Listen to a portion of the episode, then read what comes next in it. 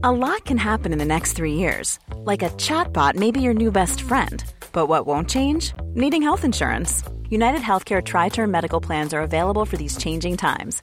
Underwritten by Golden Rule Insurance Company, they offer budget friendly, flexible coverage for people who are in between jobs or missed open enrollment. The plans last nearly three years in some states, with access to a nationwide network of doctors and hospitals. So, for whatever tomorrow brings, United Healthcare Tri Term Medical Plans may be for you. Learn more at uh1.com. A lot can happen in the next three years. Like a chatbot may be your new best friend. But what won't change? Needing health insurance. United Healthcare Tri Term Medical Plans are available for these changing times. Underwritten by Golden Rule Insurance Company, they offer budget friendly, flexible coverage for people who are in between jobs or missed open enrollment. The plans last nearly three years in some states, with access to a nationwide network of doctors and hospitals. So, for whatever tomorrow brings, United Healthcare Tri Term Medical Plans may be for you. Learn more at uh1.com.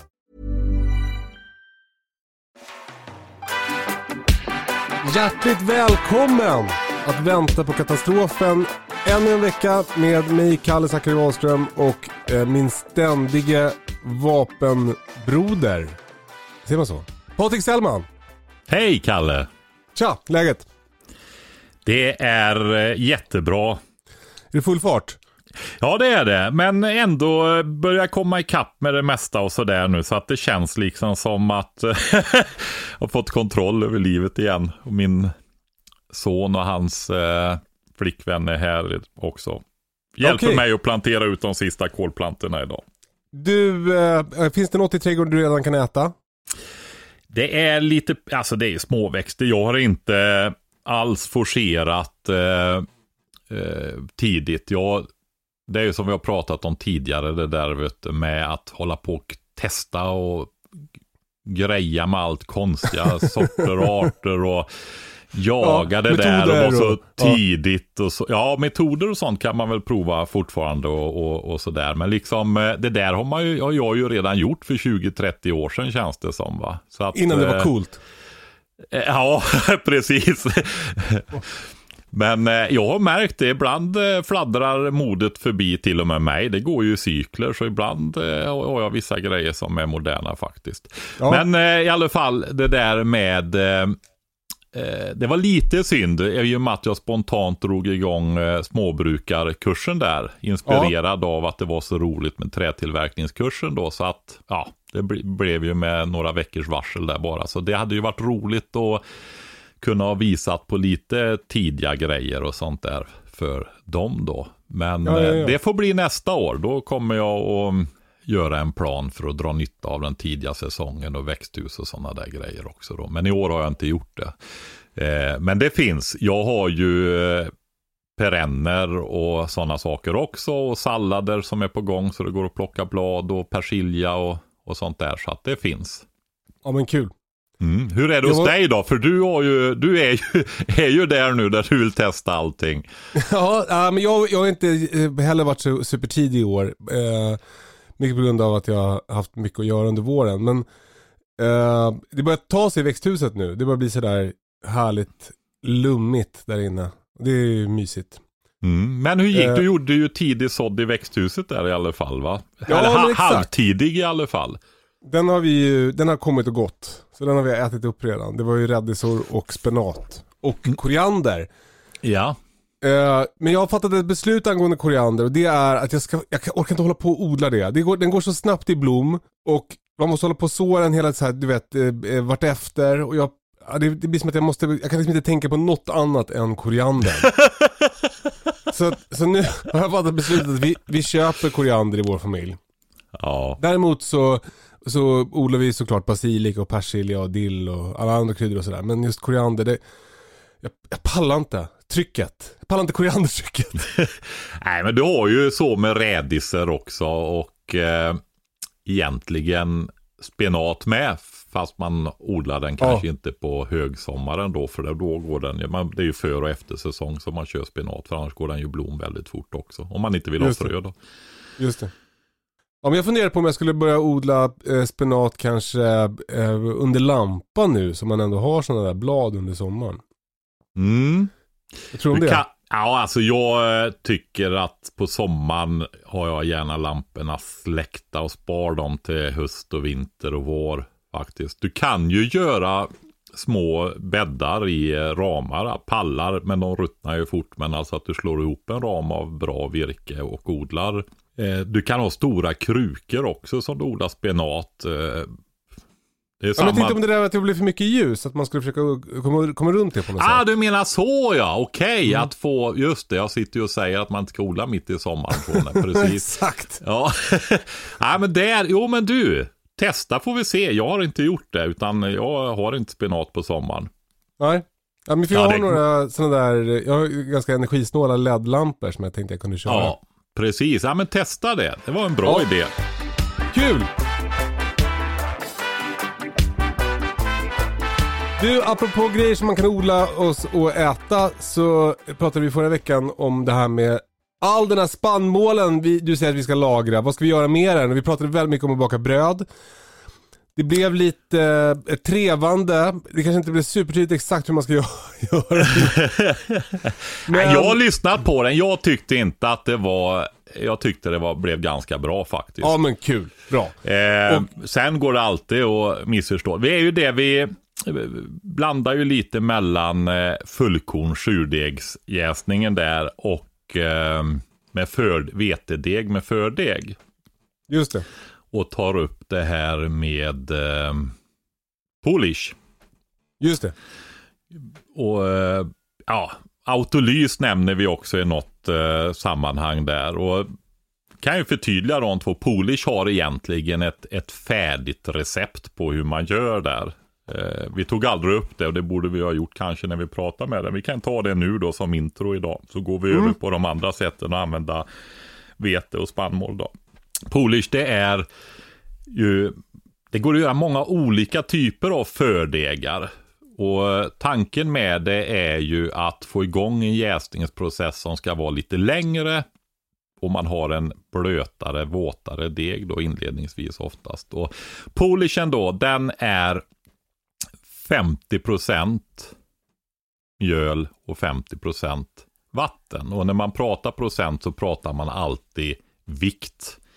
I och med att mjöl väl, kan ha väldigt olika egenskaper, alltså fluffigare och kompaktare och så vidare. Och ska man då ta en liter mjöl så kan den väga väldigt olika. va?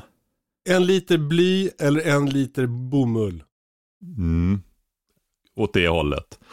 Eh, så vikt är det. Och det ska man, vill man baka och göra det lite, alltså utveckla det där lite grann, då ska man lämna detta med volymmått och gå över till vågen istället. Ja. Och det gäller faktiskt även vattnet. Ja, alltså man ska baka med tungt vatten till exempel. Nej, det är nämligen så här att kör du med ett eh, volymmått och ett litermått så det, man tror att man är noggrann alltså, men det slår ganska mycket i skillnad på hur mycket vatten man tar när man tar en halv liter till exempel, eller sju deciliter och så. Va? Så ehm, ja, gör du Va? en polish till exempel, ställ hur kan, det skilja, hur kan det skilja om man tar sju deciliter vatten? Ja, men det är därför att du tar alltid lite mer än sju eller lite mindre än sju. Mm. Så då slår det en del. Så eh, det enklaste sättet är ju faktiskt att ha en sån här enkel digitalvåg som man tarerar, alltså trycker in så att den nollar sig med skål. Du ställer skålen som du ska göra polishen i. Du tar eh, och häller i vatten, 500 gram.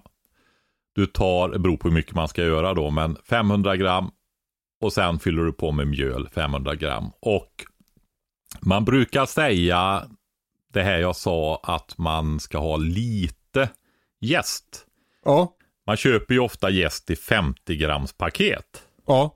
Och så gör man på en halv liter degvätska och tar i 50 gram då så är det gäst färdigt på en halvtimme, timme ungefär. Va? Ja. Eh, och då, då, är det ju väldigt snabb jäst. Va? Och då har Jävla man ju tryck. inte ja. Ja, utvecklat de här smakerna och ja, du vet de här enzymerna och saker som man vill ha igång för att bryta ner de här ämnena och så som inte var så nyttiga. Va? När man gör det här, då pratar man om en procent i vikt av gästen. Alltså eh, när man kör eh, typ en lillfingernagel så att ett sånt där bageriespaket det räcker typ till 50 till 100, ja 50 till 70 kilo bröd ungefär. Jäsmetoden. Så att den ska få jobba upp sig den här deg, eller gästen då. Va? I, här kommer i... ett tips från mig då. Om, då kommer gästen räcka väldigt länge. Om du slår in den i plastfolie så håller den sig länge i kylskåpet. Ja, bra. För den torkar väldigt fort i sin originalförpackning där. Va? Ja. Mm. Nej, men eh, sen brukar man säga att fördegen då när man jobbar med Polish. Eh, den är ju 50% viktprocent vatten, 50 eh, vete Eh, 1 procent gäst, alltså en typ en lillfingernagel.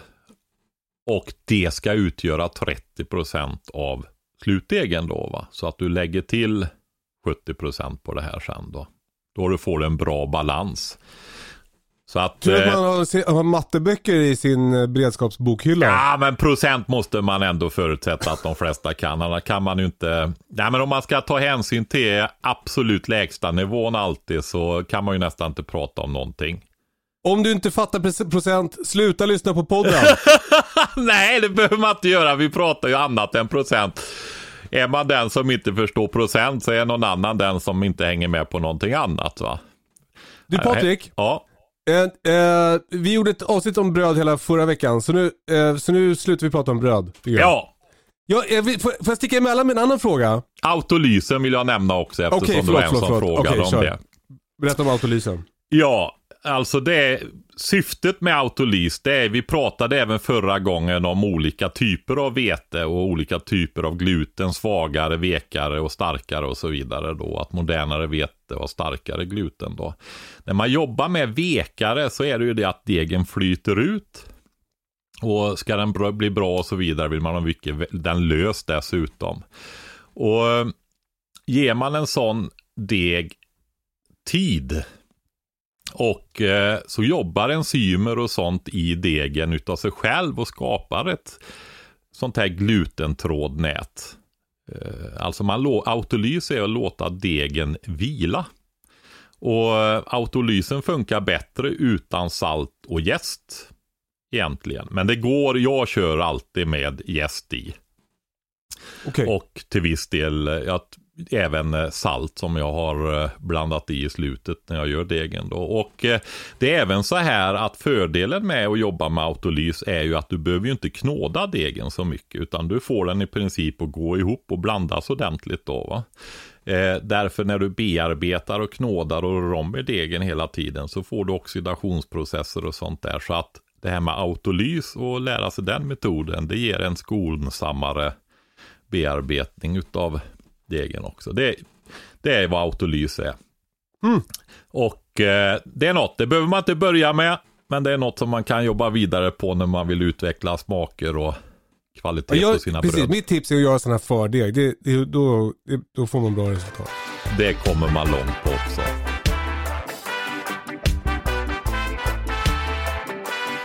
Men du, då återgår vi till det här med spannmålen då. För vi har pratat om att baka bröd, men det finns ju många andra sätt att ta tillvara på den här spannmålen man har sparat. Mm, precis. Eh, och då, eh, vi hintade sist om att vi skulle prata om gröt. Ja, just det. en riktig, eh, eh, rikt, man blir riktigt sugen på, på eh, det var en riktig cliffhanger kan man säga. Ja. Eh, gröt är ju någonting som väldigt många äter och många älskar och en del gillar inte alls då. Eh, historiskt perspektiv kan man nog säga så här att gröt har nog varit en av de vanligaste maträtterna för Europas befolkning under väldigt, väldigt, väldigt lång tid. Alltså kan man säga att det är eh, eh medeltidens tacos? Ja, och även senare tider och tidigare tider. Absolut. Och det har varit mer än fredagstacos. Det har varit flera gånger om dagen. Det har varit huvudmåltiden för de stora grupper av människor som har fått arbeta hårt och som inte har haft så välbeställt då. Det är ju väldigt energirikt och ger möjlighet att få i sig mycket näring som man orkar arbeta en dag och sova. Så att det har varit det. Korngröt och sånt tror jag har varit, och havregröt och så har varit bland det vanligaste folk har ätit faktiskt. Hur gör man då för att koka gröt om man har till exempel helt vete? Jo, Jag måste sticka emellan med en annan grej förresten. Ja. Eh, En poddlyssnare kom förbi eh, i veckan och gav mig en jättestor silo. Ja, jo, jag såg det på bilden där. Så otroligt kul, den är fem meter hög. Mm. Nu jävlar ska det lagras spannmål. Ja, jätteroligt. Ja. Men då har jag den, säg att jag har den full med vete. Jag, min familj är hungriga. Och Mm. jag, eh, jag öppnar längst ner. Jag häller ut lite vete i en hink. Jag ska ge den till min familj. Hur gör jag? Mm. Du hade ju, har ju en kvarn och det pratade vi om sist också, fast då malde vi ju mjöl. När du gör gröt så eh, behöver du inte mala lika fint och det passar ju också bra då med, jag sa ju att det åt, var väldigt tungt och gick åt mycket energi för att mala och då kan du mala grövre och då går det väldigt, väldigt mycket lättare. Eh, och när man gör gröt också, vi har ju det här som vi har pratat om och nämnt, jag kopplar till det igen, att groningshämmande ämnen och sånt där som hindrar näringsupptag och som inte är nyttiga för oss. När man gör gröt på eh, färskmald eller krossad säd så blötlägger man kvällen innan, över natten. Så det får, li- den här krossade säden får ligga och blötläggas. För då jobbar de här enzymerna aktiveras och så vidare som bryter ner fytinsyror bland annat och sånt. Då, va? Fytaset som det heter. Enzymet då. Eh, så då får du en näringsrikare och nyttigare gröt på morgonen då. Sen är det ju så med gröt att gröt, många förknippar det med havregrynsgröt eller mannagrynsgröt eller julgröt, risgrynsgröt och så vidare. Men gröt går ju att utveckla väldigt mycket med olika tillbehör, olika typer av frö, torkad frukt, kryddor, både örtkryddor och frökryddor och sådana saker och hitta spännande smakkombinationer och öka nyttigheten på gröten givetvis också då. Men så du blötlägger dem över natten. Det du inte vet Patrik, det är att eh, du har precis berättat om eh, en av de trendigaste frukostgrejerna man kan äta i Stockholm. Är det så? Overnight oats. Det är någonting som man håller på väldigt mycket med. Man, man, man blötlägger eh, havregryn. Mm. Och sen så äter man det med, med bär morgonen efter. Vad roligt, då fick jag vara lite trendig där. Men jag, jag känn, det känns inte på något speciellt sätt. Nej, nej, Nej, så kan det vara. det kändes inte så viktigt. Men det var ändå lite roligt, Kalle. att träffa rätt en gång. Ja. Okej, så man gör sina overnight oats. Med, eh, och då har man, man har malt spannmålen så att den är, eh, hur, hur ser den ut då? Ja, alltså. eh, Se ut. Vi sitter i en podd, Kalle. Ja, men måla nu Patrik, du får beskriva. Måla och måla. Ja, eh, du har ju hela sädeskorn. Jag får ju Mm. förutsätta att folk vet det då. Och så krossar du den och det där får man ju utveckla och pröva vad man tycker om också. Men det man kan säga när det gäller att krossa säd. Eh, om vi backar till hälsa, näring och hur det påverkar kroppen och så vidare. Så är det, har vi ju pratat om det där med snabba kolhydrater, insulinpåslag och så vidare. Va? Hög, höjer blodsockret fort och så. Har man fullkorn, då går det långsammare. Har man syrat och sänkt pH så går det långsammare det här upptaget och så vidare. Och givetvis är det så här att har du krossat, alltså grovt, väldigt grovmalet eller mer grovmalet, ju mer grovmalet ju långsammare blir ju upptaget för då måste ju magen jobba med det här va. Lösa upp det och så vidare va. Så då tar, går ju upptaget långsammare också. Det där använder man ju givetvis i brödbakningen också för att ge både textur, alltså konsistens åt bröden men också faktiskt att göra det nyttigare då och ge ett långsammare upptag utav det då. Och så är det ju med gröten också då. Att krossar du den beroende på hur grovt och så, så gör du ett långsammare upptag i kroppen då, vilket är positivt. Så eh, det där med gröt kan man jobba med väldigt, väldigt mycket och det är ju också en snabbmat får man väl säga. Är, för jag menar bara för att man blötlägger över natten, du sover ju under tiden va. Ja. Du, eh, eh, en annan grej som du skickade till mig i, i, när vi smsade om vad vi skulle prata om idag. Det var något som heter seitan. Satan ja. Vad är det? Alltså det är ett, eh, vi får väl säga så här, eh, jag behöver säga en grej innan. Mhm. Det här, vi pratade om siktning, alltså Ja. att ta bort skal och sådana grejer ifrån ett fullkornsmjöl. Och göra, i, i det oftast pratar man ju om siktat vetemjöl då. Finns råg, rågsikt också men det är ju ofta en blandning med vetemjöl och rågmjöl då. Men siktat Engelska flottan har siktats vid vingar brukar man säga också. Ja, jo det är en annan siktning. Eh, det går ju att sikta även själv. Men du får det ju inte det här kritvita mjölet. Eh, det får du inte. Eh, men du får ju bort mycket av skaldelarna och ger möjlighet att göra de här luftigare, segare bröden som du. Och jag tittade ju på din kvarn. Och det finns faktiskt en tillsats till din kvarn som är en siktningstillsats. Du skruvar av överdelen och sätter på den här tillsatsen och häller i ett fullkornsmjöl. Så siktar den igenom med borstar. Så får du ut ett, ett vit. Du ska ta och titta på den. Det kan vi göra Ja. när jag kommer och hälsa på dig nu. Kommer ju ikväll faktiskt till och med. Ja, kul. Det ska bli kul. Ja, eh, och har du siktat vetemjöl så bearbetar du det till en, en eh, kraftig deg med mycket glutentrådar och så vidare. Det här är, seitan det är ju en japansk, ett japanskt livsmedel. Eh, och det är att du blötlägger det här och sköljer ur stärkelsen. Så du bara får glutentrådarna kvar. Jaha. Och det där får köttliknande egenskaper och är någonting som används i matlagningen. Man upprepar det och sköljer och blötlägger och drar och, och så i den här degen. Till slut får du fram en, en eh, vit, glansig, blankare deg då som går att använda till exempel som tärningar och liknande i maträtter och sådär då. Så att det, är, det är ju som ett vegankött som du gör utav eh, med hjälp av gluten då. Mm.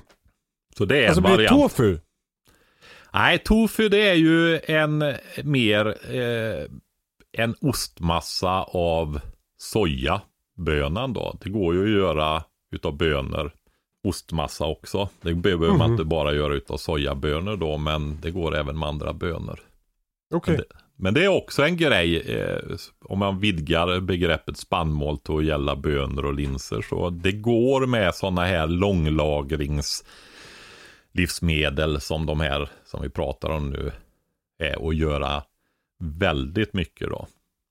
Om man tittar Men jag- på jag andra matkulturer. Jag- Jag kanske är, är trög, men jag fattar inte riktigt hur, hur, man, hur man gjorde seitan. Ja, men Jag- du, ta ju vetedeg, Ja, eller ta vetemjöl, siktat, och Ja. gör en vetedeg.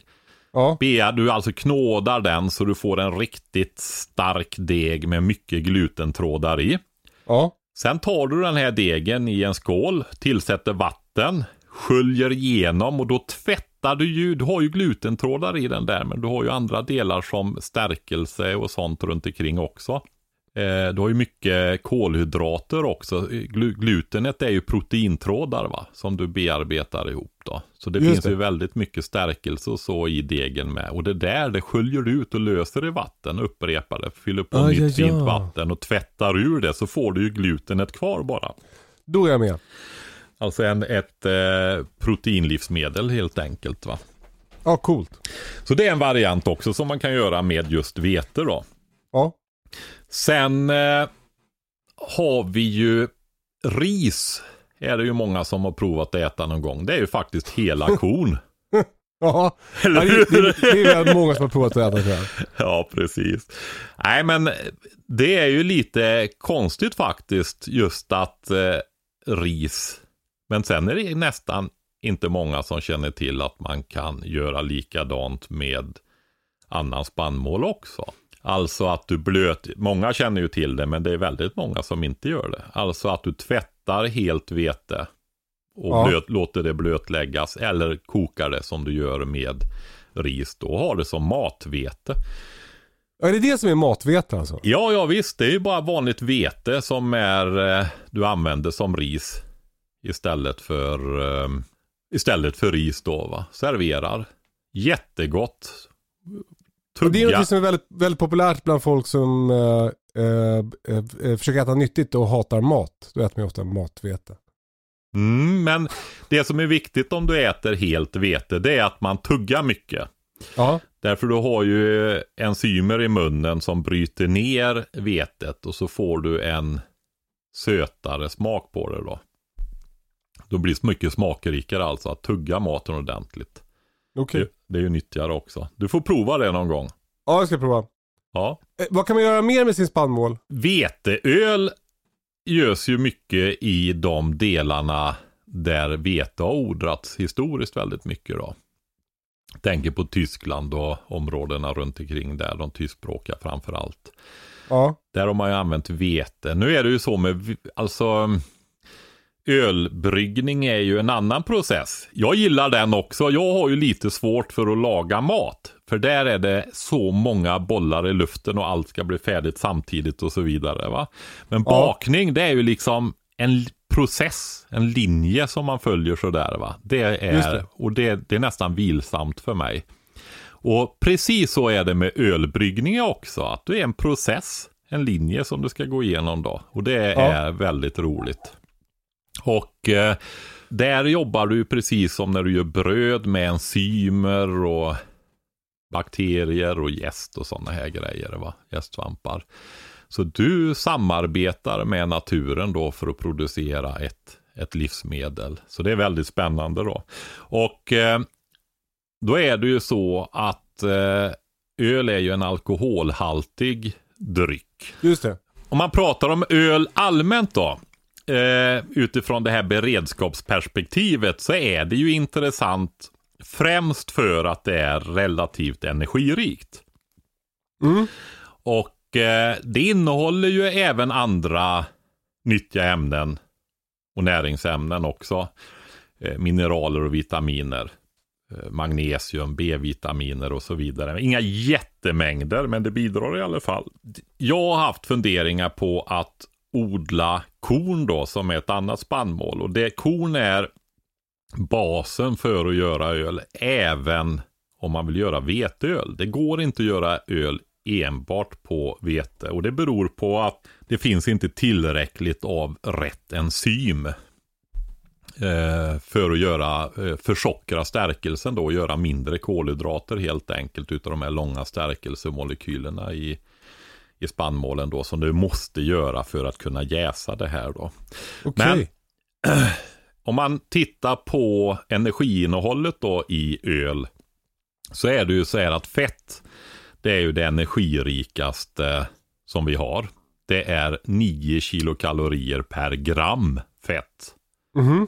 Så ett kilo är ju 9000 kilokalorier när det gäller fett. Då. Just det. Ja. Alkohol, jag vill säga proteiner, kolhydrater och så då, det kan variera lite grann, men runt 4 kilokalorier då per gram. Alltså Jaha. fy- 4000 per kilogram Ja. eh, kolhydrater och protein då. Alkohol ligger däremellan på 7 Okej. per, eh, per gram då. Ja. Då får man ju tänka på att om man vill räkna på det där så är ju alkoholhalterna nu angivna i volymprocent. Förr Ja. var det ju viktprocent på öl då, men nu är det volymprocent. Och förhållandet däremellan det är lite mindre, men ett eh, överslag ger 0,8 då. Så eh, har du ett 5 alko- volymprocent Mm. En vanlig Eh, starköl. Ja, knappt 5,6 är väl det va. Men säg 5% för att göra ett enkelt räkneexempel. Så tar du 0,8 av det. Då får du ju 4 viktprocent då va. 5 gånger 0,8 det är ju 4.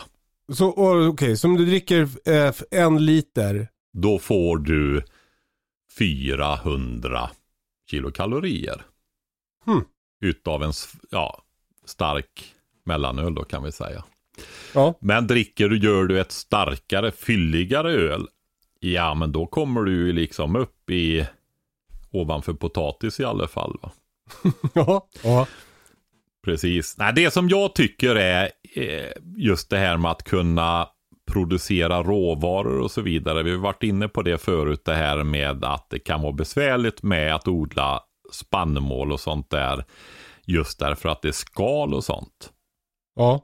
Det finns folk som håller på med det och är jätteduktiga på det i liten skala och sånt där. Men eh, jag tycker att det är intressant just med maltkorn då. Alltså de kornsorter som är mer lämpade för och har en proteinsammansättning och så vidare som gör att de är extra bra för ölbryggning då. Eh, därför att då behöver du inte skala dem va? Du ska inte skala dem. Ska bara ah, så då, då kan du tillgodogöra dig kalorierna i kornen utan att skala dem? Ja, mycket av kalorierna och eh, en hel del av de vattenlösliga vitaminerna och näringsämnena också. Men du förlorar ju inte de andra heller, för de har du ju kvar i det som kallas draven då. va.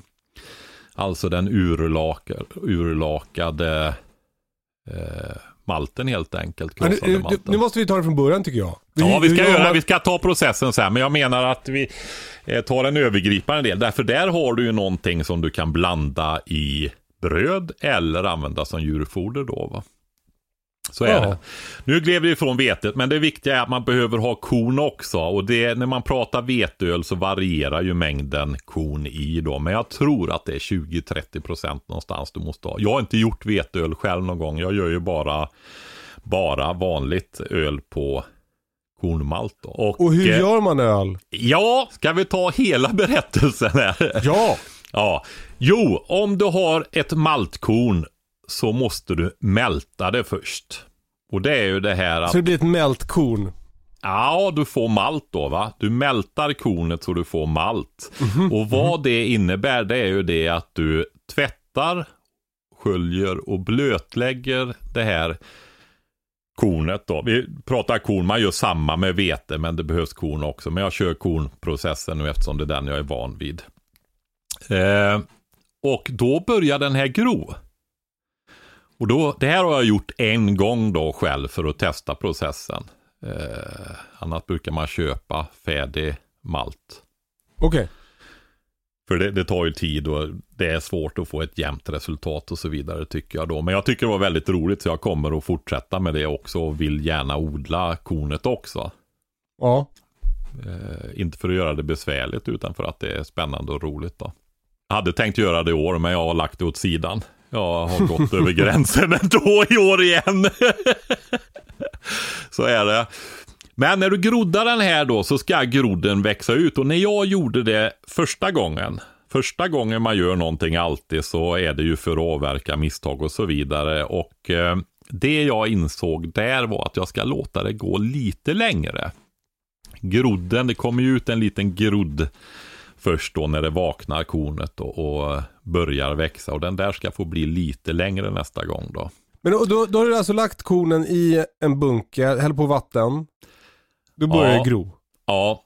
Eh, jag tror vi tar, alltså jag har ju en hink med sådana här jäshinkar. Jag vet inte hur detaljerat vi ska gå in. Det kan bli för mycket också. Men jag, jag kör i alla fall en hink som jag har borrat hål i botten som jag ställer i en annan hink så den blir dränerad.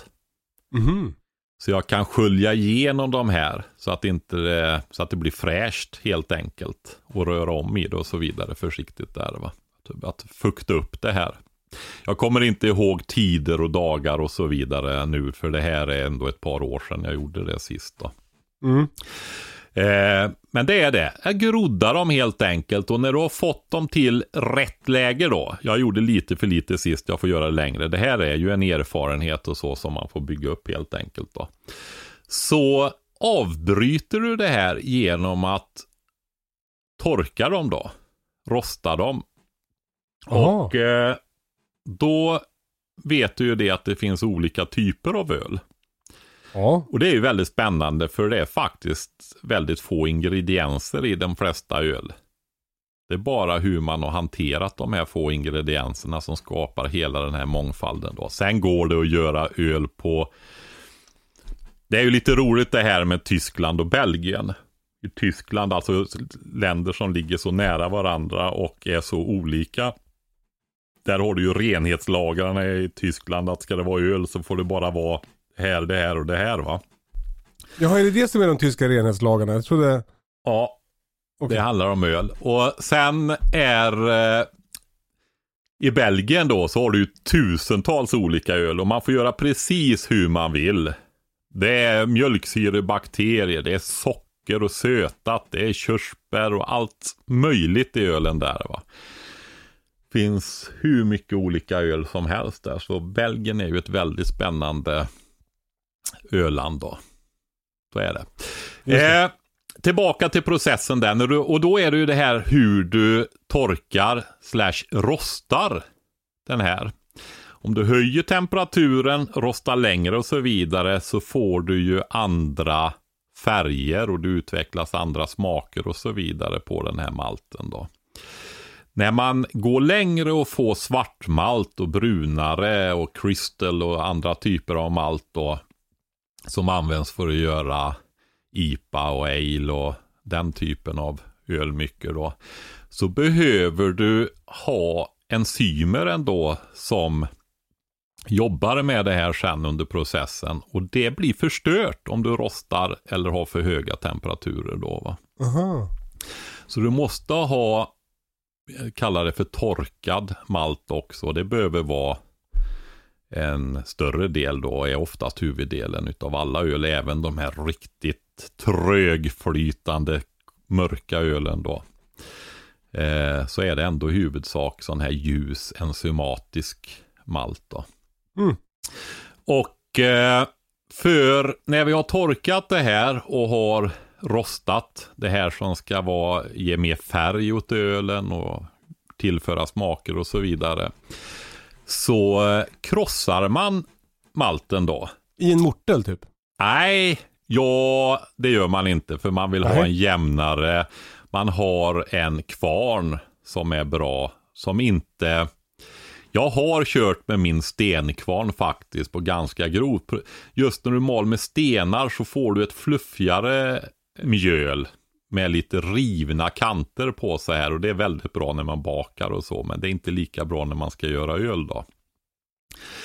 Därför du ska använda det här krosset sen när du sköljer igenom så det ska också vara ett filter och blir det för tätt då tätnar det ihop så du inte kan skölja ur allting sen utan ja, det blir stopp i det helt enkelt i lakbädden sen då. Men hur som helst, eh, jag har eh, fler kvarnar så att jag kör med meta metall i.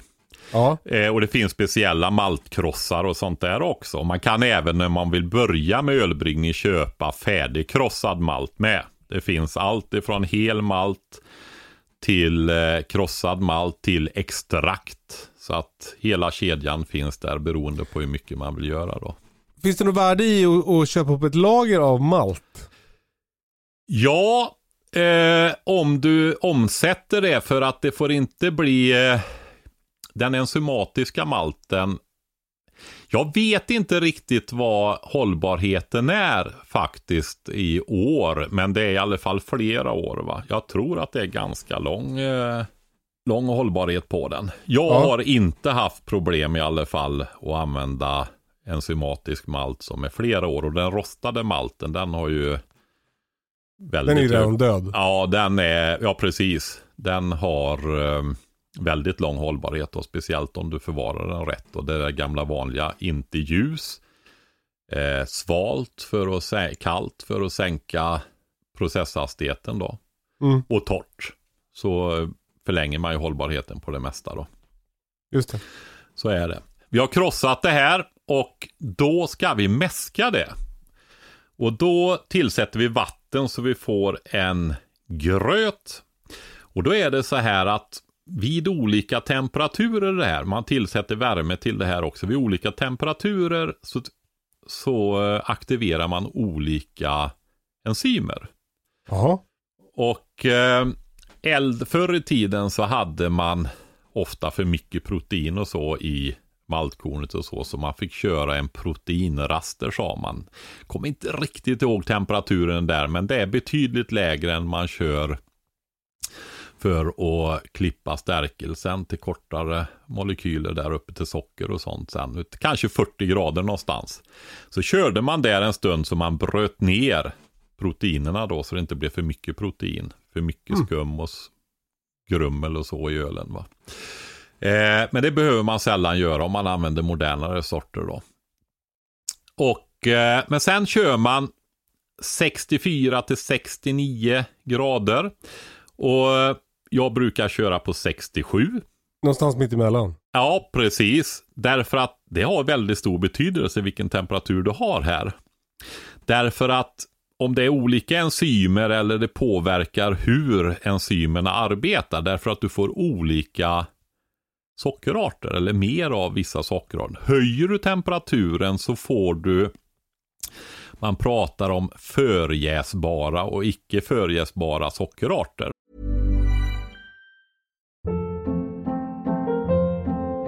Hold up. What was that? Boring. No flavor. That was as bad as those leftovers you ate all week. Kiki Palmer here, and it's time to say hello to something fresh and guilt-free. Hello Fresh. Jazz up dinner with pecan-crusted chicken or garlic butter shrimp scampi. Now that's music to my mouth. Hello Fresh. Let's get this dinner party started. Discover all the delicious possibilities at hellofresh.com.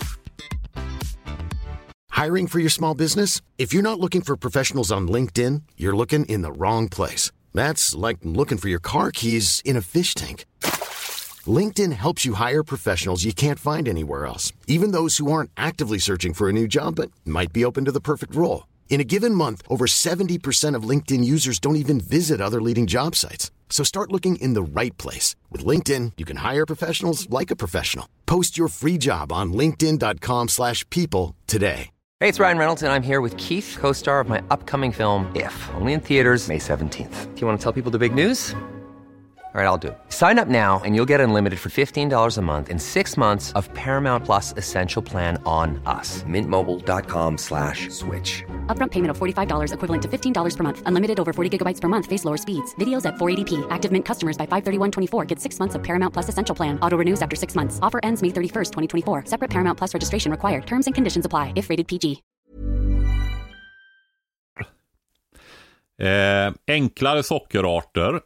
De jäser bakterierna till alkohol. Är det komplexare sockerarter, större sockermolekyler och sånt där, då jäser de inte ut dem. Va? Utan de blir kvar i ölet och det är det som blir fylligheten, kroppen i ölen då.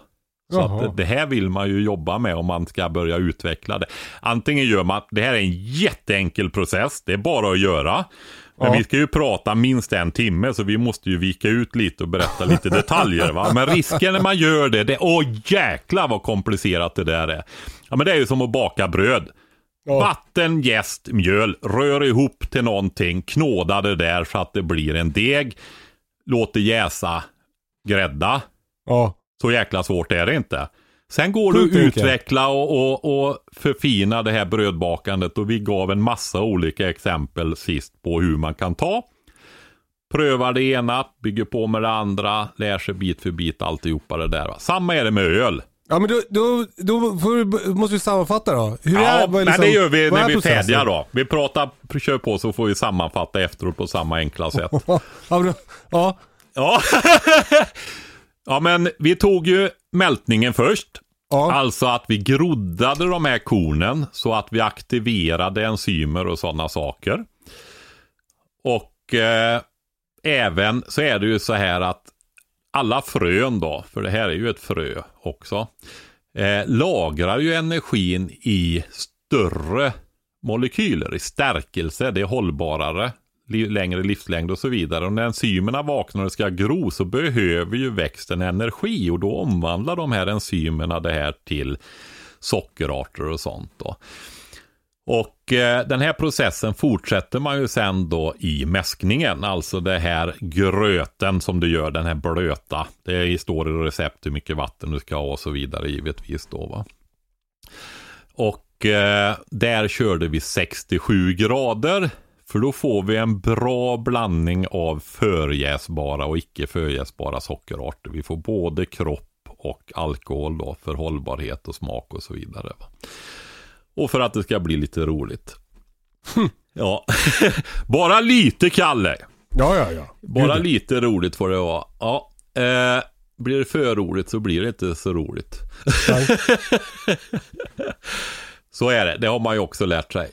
Ja, ja, verkligen. Ja, Okej, så du, du har den här gröten. 67 grader varm är den. precis. Och eh, sen behöver vi laka ur så att vi får den här vätskan då. Ja. Jag kan säga mäskningen då, den pågår ungefär en timme. För att enzymerna ska få jobba och hinna med. Ja. Och man kan göra en slutmäskning sista 10 minuterna. Om man vill ha ett fylligare öl och så vidare så kan du höja upp till 72 grader eller någonting med för att få fler icke förgäsbara det här, alla de här bitarna, ni vet, det finns ju många olika typer av öl. va? Så det är man spelar på de här variablerna som vi pratar om Det finns ju nu. lunchölen. Det finns ju Frukostöl. klockan, klockan tre-ölen. Ja. Efter träning-ölen. Ja, det finns massvis med olika öl. Så vi lakar ur den här vätskan i alla fall. ja, det gör du sen och då har du ett lakkärl. Hur ser det ut? Ja, det är den där hinken jag pratade om förut. Okej. Två vanliga sådana här plast 30 liters plasthinkar i jäshinkar som eh, finns att köpa. Där jag har borrat hål i botten på den ena. I den andra, och så då när du ställer dem i varandra så får du ju ett mellanrum på 5-6 cm i botten där va. Ett Ja. utrymme. Och eh, i den yttre täta hinken där har jag satt en kran där nere i det där längst nära botten då va. Mhm. Mm. Så då tar jag mäsk, mäsken här och häller i den i den här. Och eh, sen har jag förvärmt rent vatten upp till de här temperaturerna också. Och försiktigt så eh, jag har faktiskt en hålslev.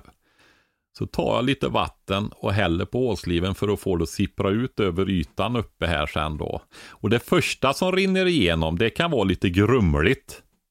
Det är ju det som har varit i botten. Det har inte hunnit silas. För det här blir en, en bädd som den här vätskan silas igenom också. va. Jaha. Så du får ut en klar vätska längst ner. Inte den första som sagt, den tar man tillbaka och silar om då. Okej. Mm. Och så Alltså som rinner... med kokkaffe. Man tar pipen och häller ner i. Ja, så kan man säga. Så Ja. kan man säga. Precis. Men, och den här kranen då, vad, vad leder den? Vad, vad är det för kärl Där har du en slang ner till ett uppsamlingskärl då. Ja. Och där kan du ju då också, om det går fort igenom lakbädden, så kan du ju reglera hastigheten med den där också. Om du har haft lite för grovt så rinner du igenom för fort. Du vill ha att det ska rinna ganska sakta. Då hinner det lösa ut alla vattenlösliga smakämnen, näringsämnen och så vidare. Va? Socker och sånt i, i mäsken då. Va? Som Ja. du, du sköljer ju ur det här. Och ehm, har du haft lite mer mörkrostade maltkorn och så vidare i så kommer det ju ut nästan svart vätska ur det där då. Eller ljusare för ljusare öltyper då. Men bara så att jag ska förstå nu då. Du, vi har mäskat malten. Mm. Det, det är att man gör det till en gröt i 67 grader. En den ligger timme. i den här hinken. Ja, Det är som en gröt. ja, Du häller på vatten uppifrån. precis. Försiktigt så jag inte spolar runt eller så vidare. Utan jag vill att det ska gå, det ska ta lite tid det här så att det får lösa ur och skölja med sig allting. Och hinna filtrera så det kommer ut en relativt klar vätska då. Och hur många, mycket, hur stora mängder vatten är det vi häller på här? Det beror ju på ditt recept då, men ofta när man gör till husbehov så gör man ju 5, 10 eller 20 liter ungefär. Just det. Så, så vätskan som kommer ut, det är liksom vatten som har åkt genom gröten. Ja, och en del var ju i också när vi mäskade där i grytan. Just va, det. När vi Ja men då är jag med. Mm, Du har den här klara vätskan i ditt uppsamlingskärl. precis. Och eh, då eh, ska den där kokas i Jaha. en timme.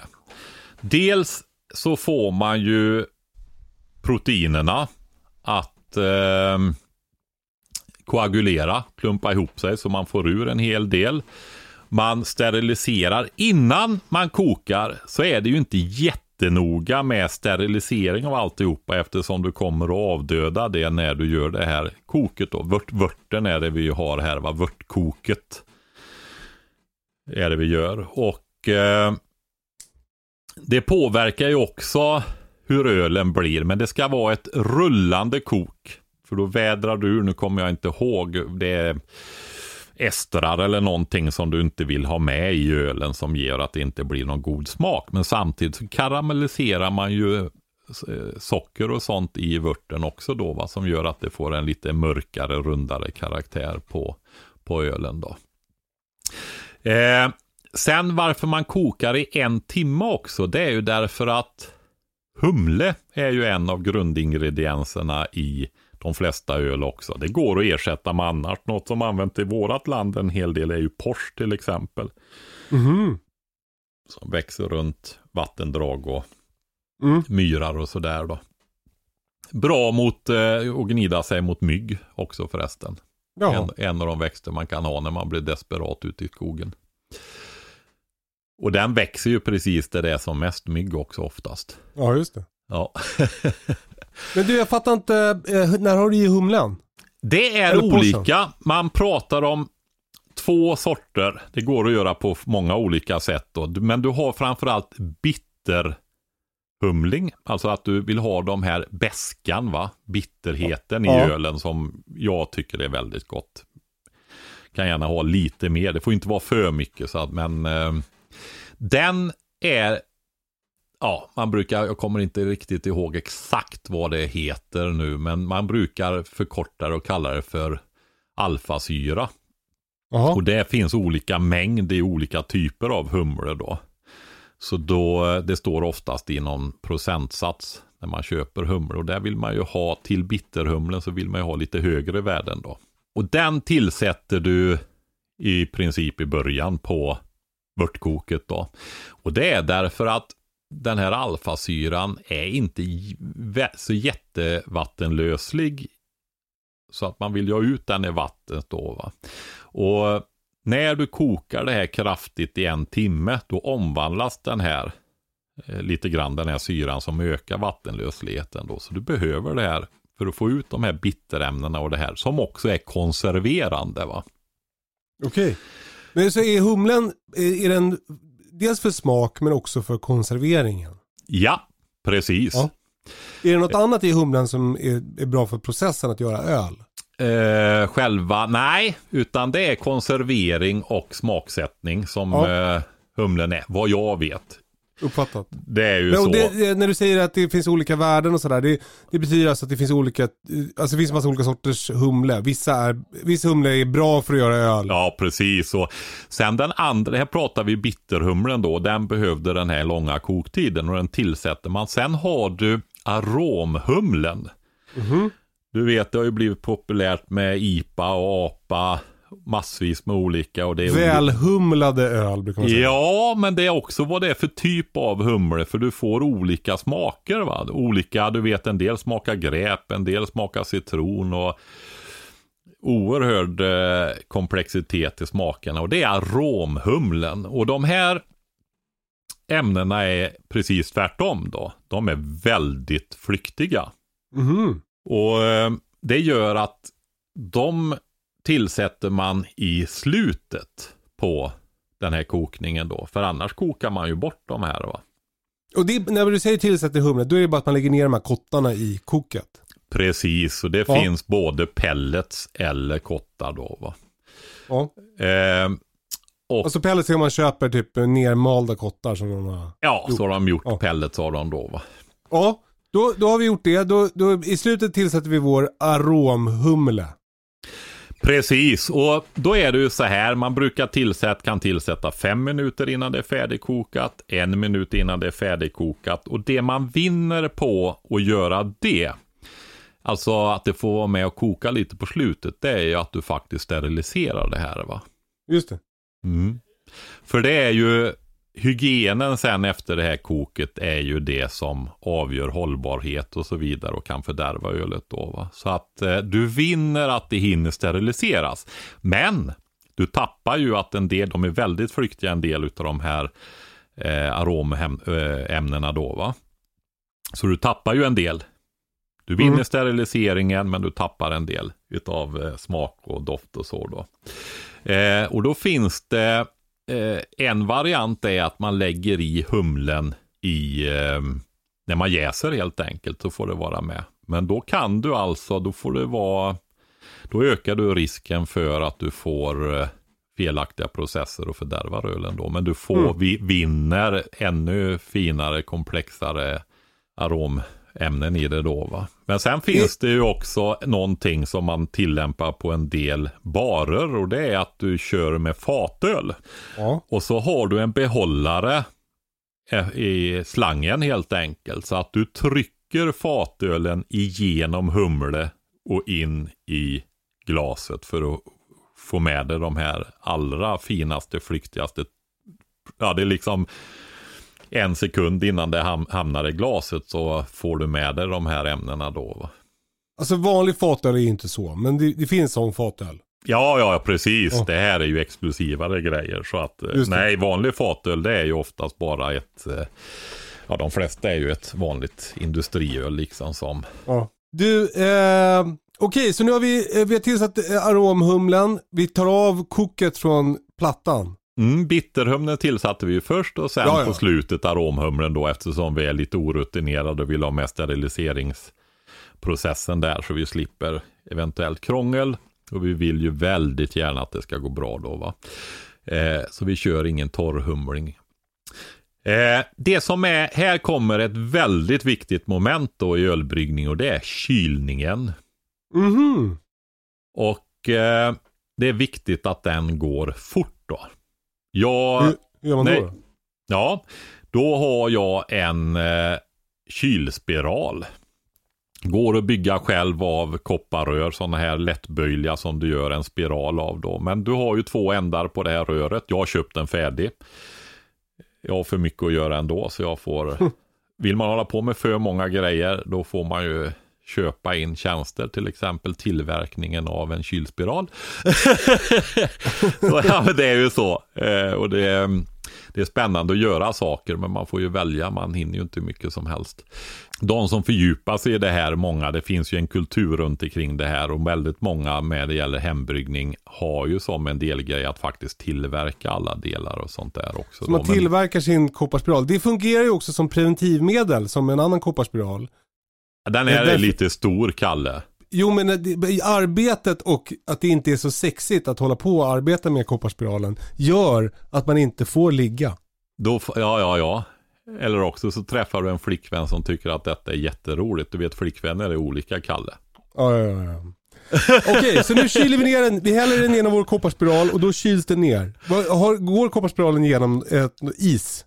Nej, då är det så här att du har anslutning i ena änden som du kan koppla till vatten och spola kallvatten genom den här spiralen då. Och sen har du ett avlopp ner tillbaka i hon då. Så vänta, så, så, så vätskan går inte genom spiralen utan det Nej. gör kylvattnet? Precis, i en sån kylspiral då är det kallvatten. Den här kylspiralen står i vörtkoket och stamvörten. Ska vi se, ja stamvört kallas det när det är färdigkokt. Okay. Den kyler du med kallvatten från kranen som går in i spiralen då. Och så går det här kallvattnet uppvärmt ut i diskhon. Det här är ju när du kör med enkla grejer. Vad vi har använt för utrustning nu det är ju de här två jäsinkarna där det är hål i botten på den ena som ett lakkärl. Det går att göra olika typer av lakkärl men det här är vad jag har gjort. Och sen har vi den här kranen och slangen och samlar upp det här. Sen har vi en stor gryta. Jag har köpt den som är på 36 liter. För att kunna ha, i och med att du kör rullande kok så kör du 20-22 liter så behöver du ha lite kant över så att det inte Just det. bubblar över. Va? Så du ska kunna göra ett kraftigt kok utifrån den storlek på satser som du vill göra då. Va? Och eh, när det här är kylt sen, då har vi humle och sådana grejer i det här. Och det är, kan vara ett dilemma.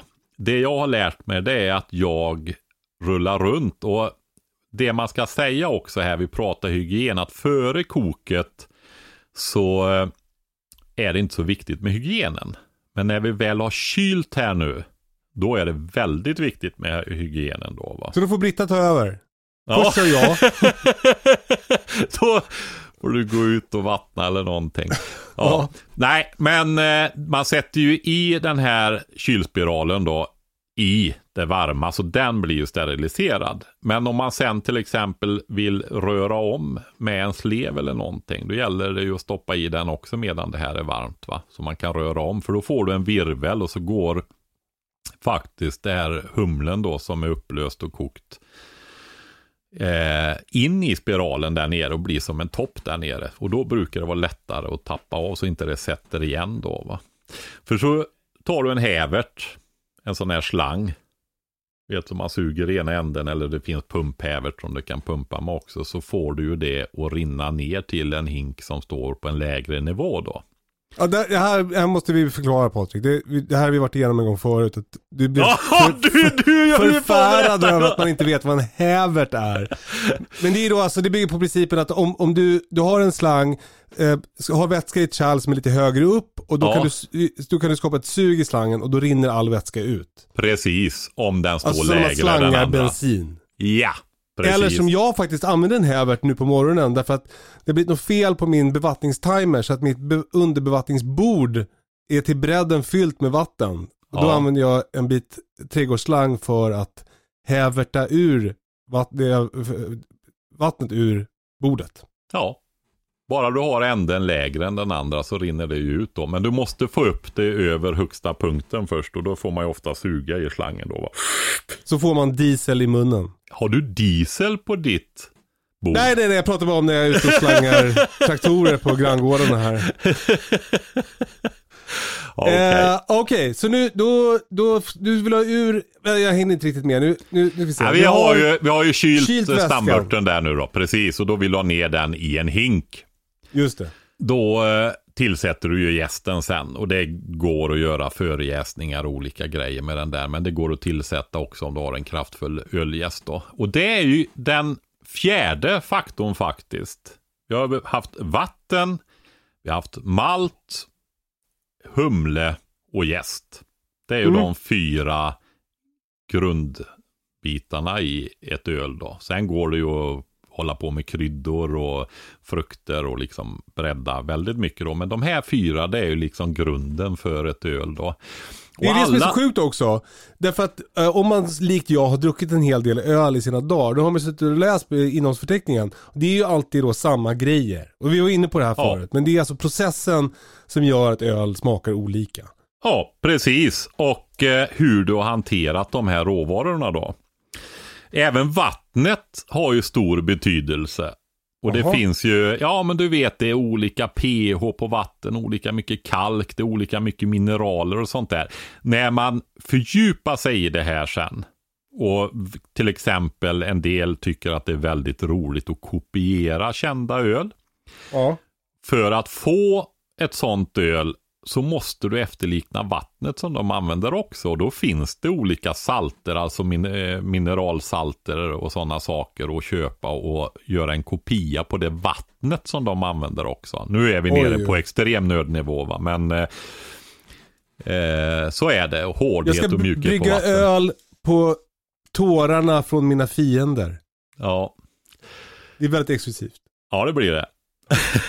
och sen malten, den var vi inne på där, att du hade enzymatisk malt, för du får inte förstöra enzymerna i allt. Men sen kan man då rosta den här olika. Du får mörka med rosttoner, lakrits, kaffe, chokladtoner och allt möjligt får du i, i malten då beroende på hur du rostar den.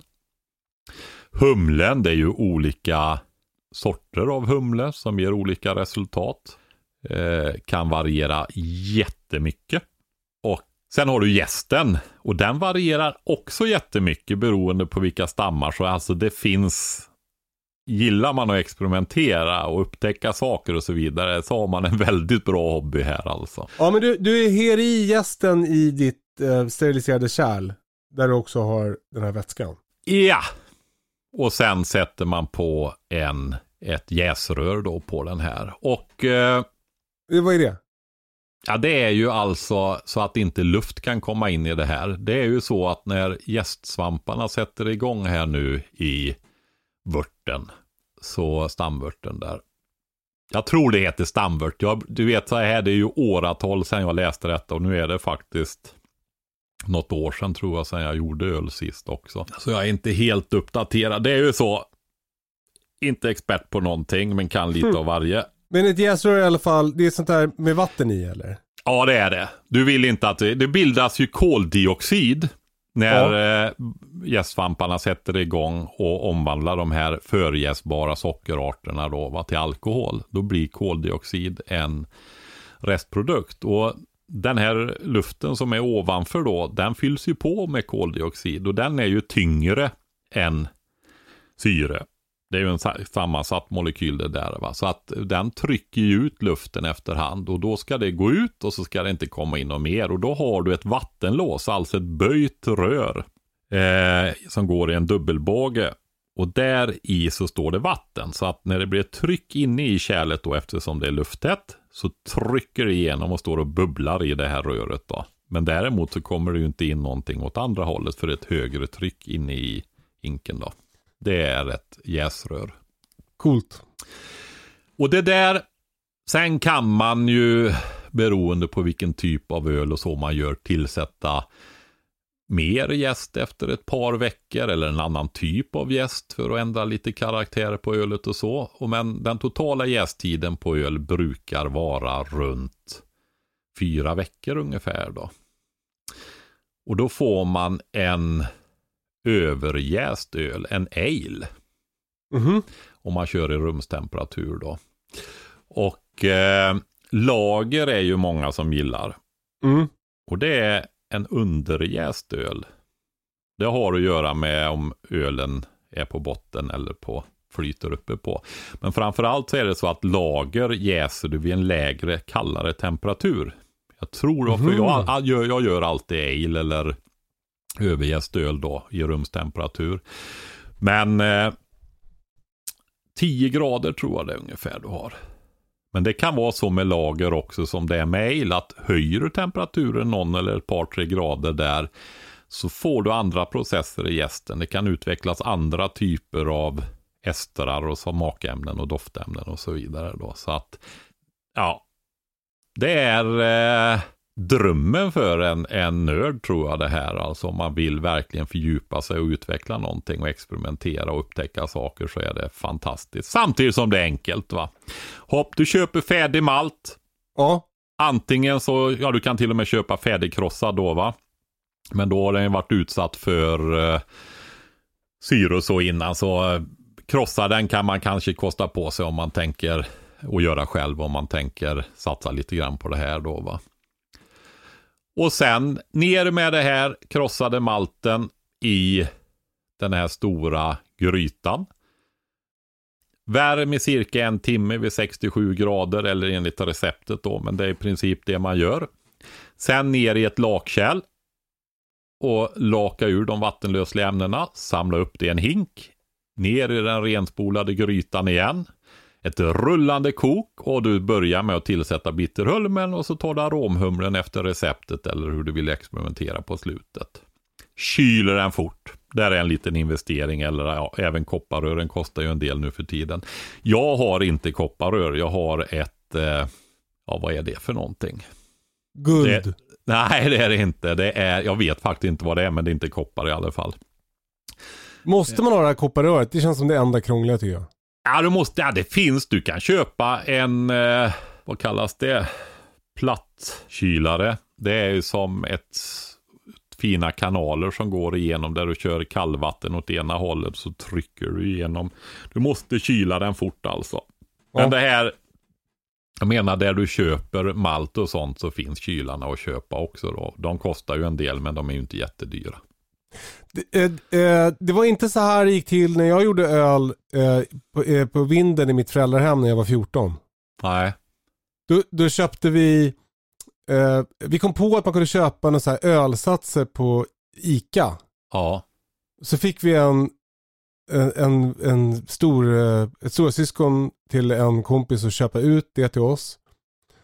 Och sen så gjorde vi ölen i ett skåp på vinden på Solbacken där jag är uppväxt. Uh, och vi, eh, mina föräldrar kom hem och hittade så här en termometer och en slev och sådär ute. Och då så, då så frågade de vad, vad är det här? Då, då sa jag, jag hade glömt att ta bort det då. Då sa jag, eh, det är en Mini, en, det var en kompis Magnus eh, som vi alltid skyllde allting på. Det var Mini som hade ett NO-experiment. Och, och, min, min morsa förstod ju direkt att det var något lurt. Hon bara, jaha vad var det för experiment? Ja, eh, man, man skulle koka ihop mjölk och vatten. Så här då.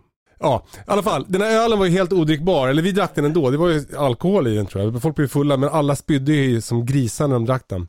Ja. Eh, jag hade Uh, jag kommer hade som en så här stor, liksom, rygg, alltså 50 liters ryggsäck fylld med glasflaskor som jag klirrade omkring med när vi skulle på fest. Mm. Ja, det är väl det där, vet du. Jag ser ju framför mig att du hade ingen kolsyra i och sen eh, var den eh, varm då när ni drack den. Och det, det, alltså, du vet, och helt grumlig och alltså, ja, det var ju vidrigt alltså. Och avslagen, som man ja. säger då. För det är ju en grej vi inte har pratat om då. När du har jäst färdigt det här och ska tappa upp det och du vill ha kolsyra i. Då finns det två sätt att göra det. Och har du, du har tänkt på det där att det finns, eh, när du köper vissa flaskor ibland, så är det en bottensats i att det blir grumligt. Mm. Har du tänkt på det? Mm. Då är det ofta för att de är kolsyrade med en efterjäsning i flaskan. Okej. Okay. Mm. Då, eh, du har lite levande gäst kvar i eh, ölen då när den är färdigjäst där va. Och så tappar du den på flaska och så tillsätter du en uträknad mängd. Eh, det går att göra socker eller det går att ta maltextrakt, alltså ett pulver som, är, som man kan göra öl på. Och tillsätta då. Jag brukar använda vanligt vitt socker. Mm. Eh, och beroende på öltyp så vill du ha mycket eller lite kolsyra och sådär då. Och sen beror det på hur stor flaskan är. Så det är ju en, en viktprocent. Det, står, det är en metod man får lära sig då. Och så sätter du kapsyl eller bygel på den här flaskan då. Och så står den och jäser slut på det sockret. Och precis som jag sa förut så bildas det koldioxid. Den går ju upp i det här utrymmet, bubblar upp. Och det blir ett litet luftutrymme uppe i flaskan som det alltid är. Går upp dit. Och det går upp och går upp och går upp och trycket stiger där uppe och till slut pressas det ner i vätskan då i ölen igen och löser sig och blir kolsyra. För ah, det är coolt. nämligen koldioxid som går in i vatten som blir kolsyra då va. Och det är det som är själva ett, Bubblorna, precis, och bubblorna och så vidare i sen då va. Det andra sättet som jag har, alltså det som i början så håller man ju på mycket och det är jätteroligt och så vidare. Och man står där och diskar sina flaskor. För här är ju det här, då är vi ju i den känsligare delen. Inte lika känslig som direkt efter det kyl, kylningen där. För nu har vi ju ändå eh, alkohol och sånt i som också är konserverande för ölen då. Men gör du ett alkoholsvagare öl, ja då har du ett känsligare öl också. Så att flaskorna måste vara väldigt rena och gärna steriliserade också. Eh, eller de ska vara det, speciellt om du har alkoholsvagare öl då.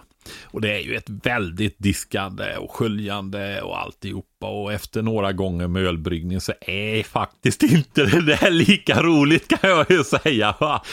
Och det blir lite mer sällan man gör öl och så. Men jag gjorde faktiskt så, för jag och min son gick ihop. För han tycker också det, vi brukar göra detta ihop nämligen. Va? Det är en jätterolig grej vi kör ihop. Och eh, så vi har ju satsat på att köpa ett bryggverk då. Nu pratar ja. jag om det här basic och det är ju faktiskt det som jag fortfarande har gjort mest historiskt sett. Och det här med lakkärlen och bara en vanlig stor gryta och koka i och sånt där. Att det är väldigt, eh, krävs inte mycket för att göra öl då. Det är kylaren där som är, som man, jag tycker man behöver skaffa en riktigt bra kylare då. Men vad gör bryggverket då? Bryggverket, alltså det, det om vi säger, som jag har ju berättat, att det är så mycket variabler i, i eh, öltillverkning. Vill man göra samma typ av öl så ställer det ju väldigt stor krav på skickligheten så man inte får för stora variationer i den här processen. Alltså att det går att upprepa. Mm. Och ett bryggverk är ju då, ja det gör samma saker fast med lite andra, det är de här, de här processerna som jag har pratat om, det är det som inbegriper öltillverkning. Sen går det ju att göra på olika sätt då. Men det här som jag har, det är ju digitalt. Styrning och så vidare. Och du får väldigt fin kontroll på temperaturer, tider och sånt där. Och det är faktiskt så här att du kan ha recepten i mobiltelefonen, egna eller gå in i databaser i gemensamma. Och du får styrningen av tider och rastrar, alltså det här med olika temperaturer vid mäskning och sådana saker. Och, ja, då får du en Men vadå sköter den allting? Du bara häller i din ko, ditt korn och ditt vatten och så kommer det ut öl? Precis. Och Är sen... det sant? Ja. Eller det kommer inte ut öl, det kommer ut vört. Ja, ja, ja. Mm. Och du gör även vörtkoket i, i den här då, och kylningen då. Gud vad Så- smidigt. Ja, det är det. Och de är inte jättedyra, men jag tycker att det är bra att lära sig grundhantverket med enkel utrustning från början innan man börjar med bryggverk och sånt där. Va? Det Alltså, för det viktiga är att förstå att man behöver absolut inte ha något bryggverk för flera tusen kronor för att göra öl, utan det Nej. är en, en Men för mig sken det, jag sken ju upp nu när det fanns, eh, man kunde köpa sig ur allt krångel med diskning och Nej, men den, den diskar sig inte själv tyvärr. Så är det Aj, ju. satan. Ja, så är det. Men eh, Men vadå, Men- du häller bara i ingredienserna och sen så tappar du på flaska och sen och låter det jäsa eller? nej, inte på flaska. Du jäser i jäskärl precis Jäsa, som ja, vanligt. förlåt. Fan, förlåt. Såklart. Så är det. Men det jag har gjort också i samband med det då. Nej, det gjorde jag faktiskt innan vi köpte det. Ja, det, har- ja, det gjorde jag. Jag köpte fatöl. Cornelius fat, 20 liters. Då blir det precis så att nästan all öl går i det där Cornelius-fatet när det är färdigjäst. Och så får man lite grann över så man kan göra några gå bort-presenter i Och sen har du då. en kran eller som du tappar Sen ur? köper du en vanliga kolsyrepatroner eller finns större också om du håller på mycket med detta då. En del bygger om brandsläckare och sånt där och får som tål ett visst tryck då. Men annars de är vanliga som du har i Sodastream. Och så har du, kopplar du en slang emellan den till en sånt här och så gör du ett tryck där uppe och så får det stå ett tag och då löser sig ju den här i ölen och så får du den här kolsyresättningen och så kan du styra det med en manometer, alltså en tryckmätare hur högt tryck du vill ha då, beroende på öltyp och sådär. Så att då kolsyresätter du det med en kolsyrepatron istället. Då. Aha. Men jag rekommenderar att köra de där enkla grundprocesserna med enkel utrustning först. För då får man liksom känsla för vad man håller på med på ett helt annat sätt än med en sånt här bryggverk då. Och det är ju med det här med att göra öl som med att baka bröd och som med att odla och så. Det finns ju att köpa öl, det är inte det. Men det är ganska coolt att kunna om det någon gång inte går att köpa öl. Då är det bra att, att, att veta hur man gör. Och det är också annorlunda att dricka öl när man vet hur processen har sett ut för att skapa det. På samma sätt som att det är, det är, finns något liksom belönande och härligt med att, att äta kött som man har jagat själv eller grönsaker som man har odlat själv. Ja, Så, och det, så det är är liksom en färdighet som, som, som jag tycker att det är bra att ha. Nu har inte jag hållit på och gjort det allt, så jag ska kanske inte snacka. Men jag blir alltid sugen Nej, nu. men det är likadant med allting där. Om man gillar det där så gillar man ju det där. Så spelar det inte så mycket roll om man gör eh, surkål eller bakar eller brygger öl eller jäser vin eller vad man gör. Va? Så grillar sitt jagade kött eller sina kaniner man har fött upp eller någonting sånt där. Va? Det är ju, nej men alltså det är väl den där känslan som jag har känt själv som jag har pratat om när det gäller biodlingen och så många som har gått kurser har gett uttryck för just det där att man får kontakt med någonting. Va? Mm, Biodling är just det där att man börjar se på naturen, följa med väder, blomningar och så vidare. Va? Och när du börjar producera eh, Alltså väldigt många av oss jobbar ju med jobb där man knappt vet vad man har gjort. va Mm. Så kallade mentalohygieniska arbeten. Sen finns det, sen, sen finns det mentalhygieniska med som snickare till exempel, där man kan se vad man har gjort. under dagen. ja. Nej, men alltså, ja, åt det hållet i alla fall. Eh, sen beror det på vad man gör också. Men, men många jobbar ju med icke-konkreta arbeten på något sätt. Och då kan det ju vara väldigt skönt att balansera sitt liv också med att faktiskt baka ett bröd, brygga ett öl, mm. odla lite morötter. Ja, det känns som att eh, göra någonting som vi människor egentligen ska göra också. Ena, ena foten i cyberspace och den andra i morotslandet. Eh, apropå cyberspace, jag tycker vi passar på att tipsa om våra kompisar på det lilla köksbryggeriet. För vill man komma igång och brygga öl, då har de jättesmidiga startkit som man kan ja, köpa. väldigt eh. småskaliga. Det är väl fem eller tio liter och då får du ju även utrustningen som du behöver. Så behöver du bara köpa råvarorna till sen då. Va? Så det är sjukt smidigt. Så, så det, är, det rekommenderar jag om du vill eh, komma igång. Om du blir sugen. Man blir ju ganska törstig av det här avsnittet Patrik. Man blir ju väldigt sugen på öl. Ja. Men klockan är ju fem någonstans. Ja. Jag måste ju åka snart också. Jag ska ju leverera bikuper. Men du, jag vill bara säga en sak också. Ja. Jag åker ju ut och kör biodlingskurser i år också. Ja. Och det är inte hundra, man ska aldrig säga aldrig och så vidare. Men min tanke är faktiskt att inte göra det mer sen. Sista chansen. Ja, eller om man kommer hem till mig och går småbrukarkurs och eventuellt att jag kör en ren biodlingskurs under sommaren hemma hos mig själv också. Men jag vill dra ner på det där resandet. Så är det. Mm. Och i Skåne är det fullbokat. Här hemma i Ragvartjärn är det fullbokat. Men jag har platser kvar i Söderberke, sydöstra Dalarna och i Västerhaninge. I Västerhaninge är det fem platser kvar också då va? Det är ju skitnära Stockholm. Det, ja det, det är ju det. 20 minuter med pendeltåget. Det är bara att boka upp. Ja. Lär er odla bin. Ja och eh, funkar det inte med Västerhaninge så är det ju inte jättelångt till Söderberke heller ifrån Stockholm faktiskt. Det reser man lätt över dagen. Så är det. Och de går i juli. Söderberke ligger första helgen. Västerhaninge kommer jag inte ihåg om det är andra eller tredje helgen. Ja. Kommer du hit och sover när du ska, när du ska köra i Västerhaninge eller? Ja, kan komma och hälsa på eh, då också. Men jag vet inte faktiskt hur jag sover över än. Jag ska prata med dem idag sen när jag sätter mig i bilen i eftermiddag och hur, vi ska, hur läget är och så vidare.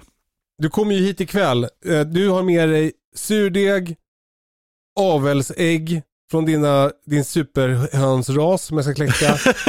och din två Julia traktor för att vi ska fräsa upp ett tobaksland till mig. Ja, de står och stampar dina tobaksplantor och det är fullt ja, de har, överallt. Alltså några har gått i blom. Jag tror att det är kört för dem. Ja, vi får se. Vad kul det ska bli Patrik. Jag längtar Och sen dig. tar jag med lite utav Ölandsvetet och svedjerågen med så du får prova ja, din kvarn äntligen. Har du några ölflaskor kvar som du har gjort själv också? Jag och min son drack upp den sista av PJs råolja här för några veckor sedan faktiskt. Så att det är slut rätt över nu. Då. Sopslut. Helt rent. Du, då åker jag till Systembolaget som en träl. Uh, Okej, okay. tack för idag. Tack, hej då. ha det så bra, hej då.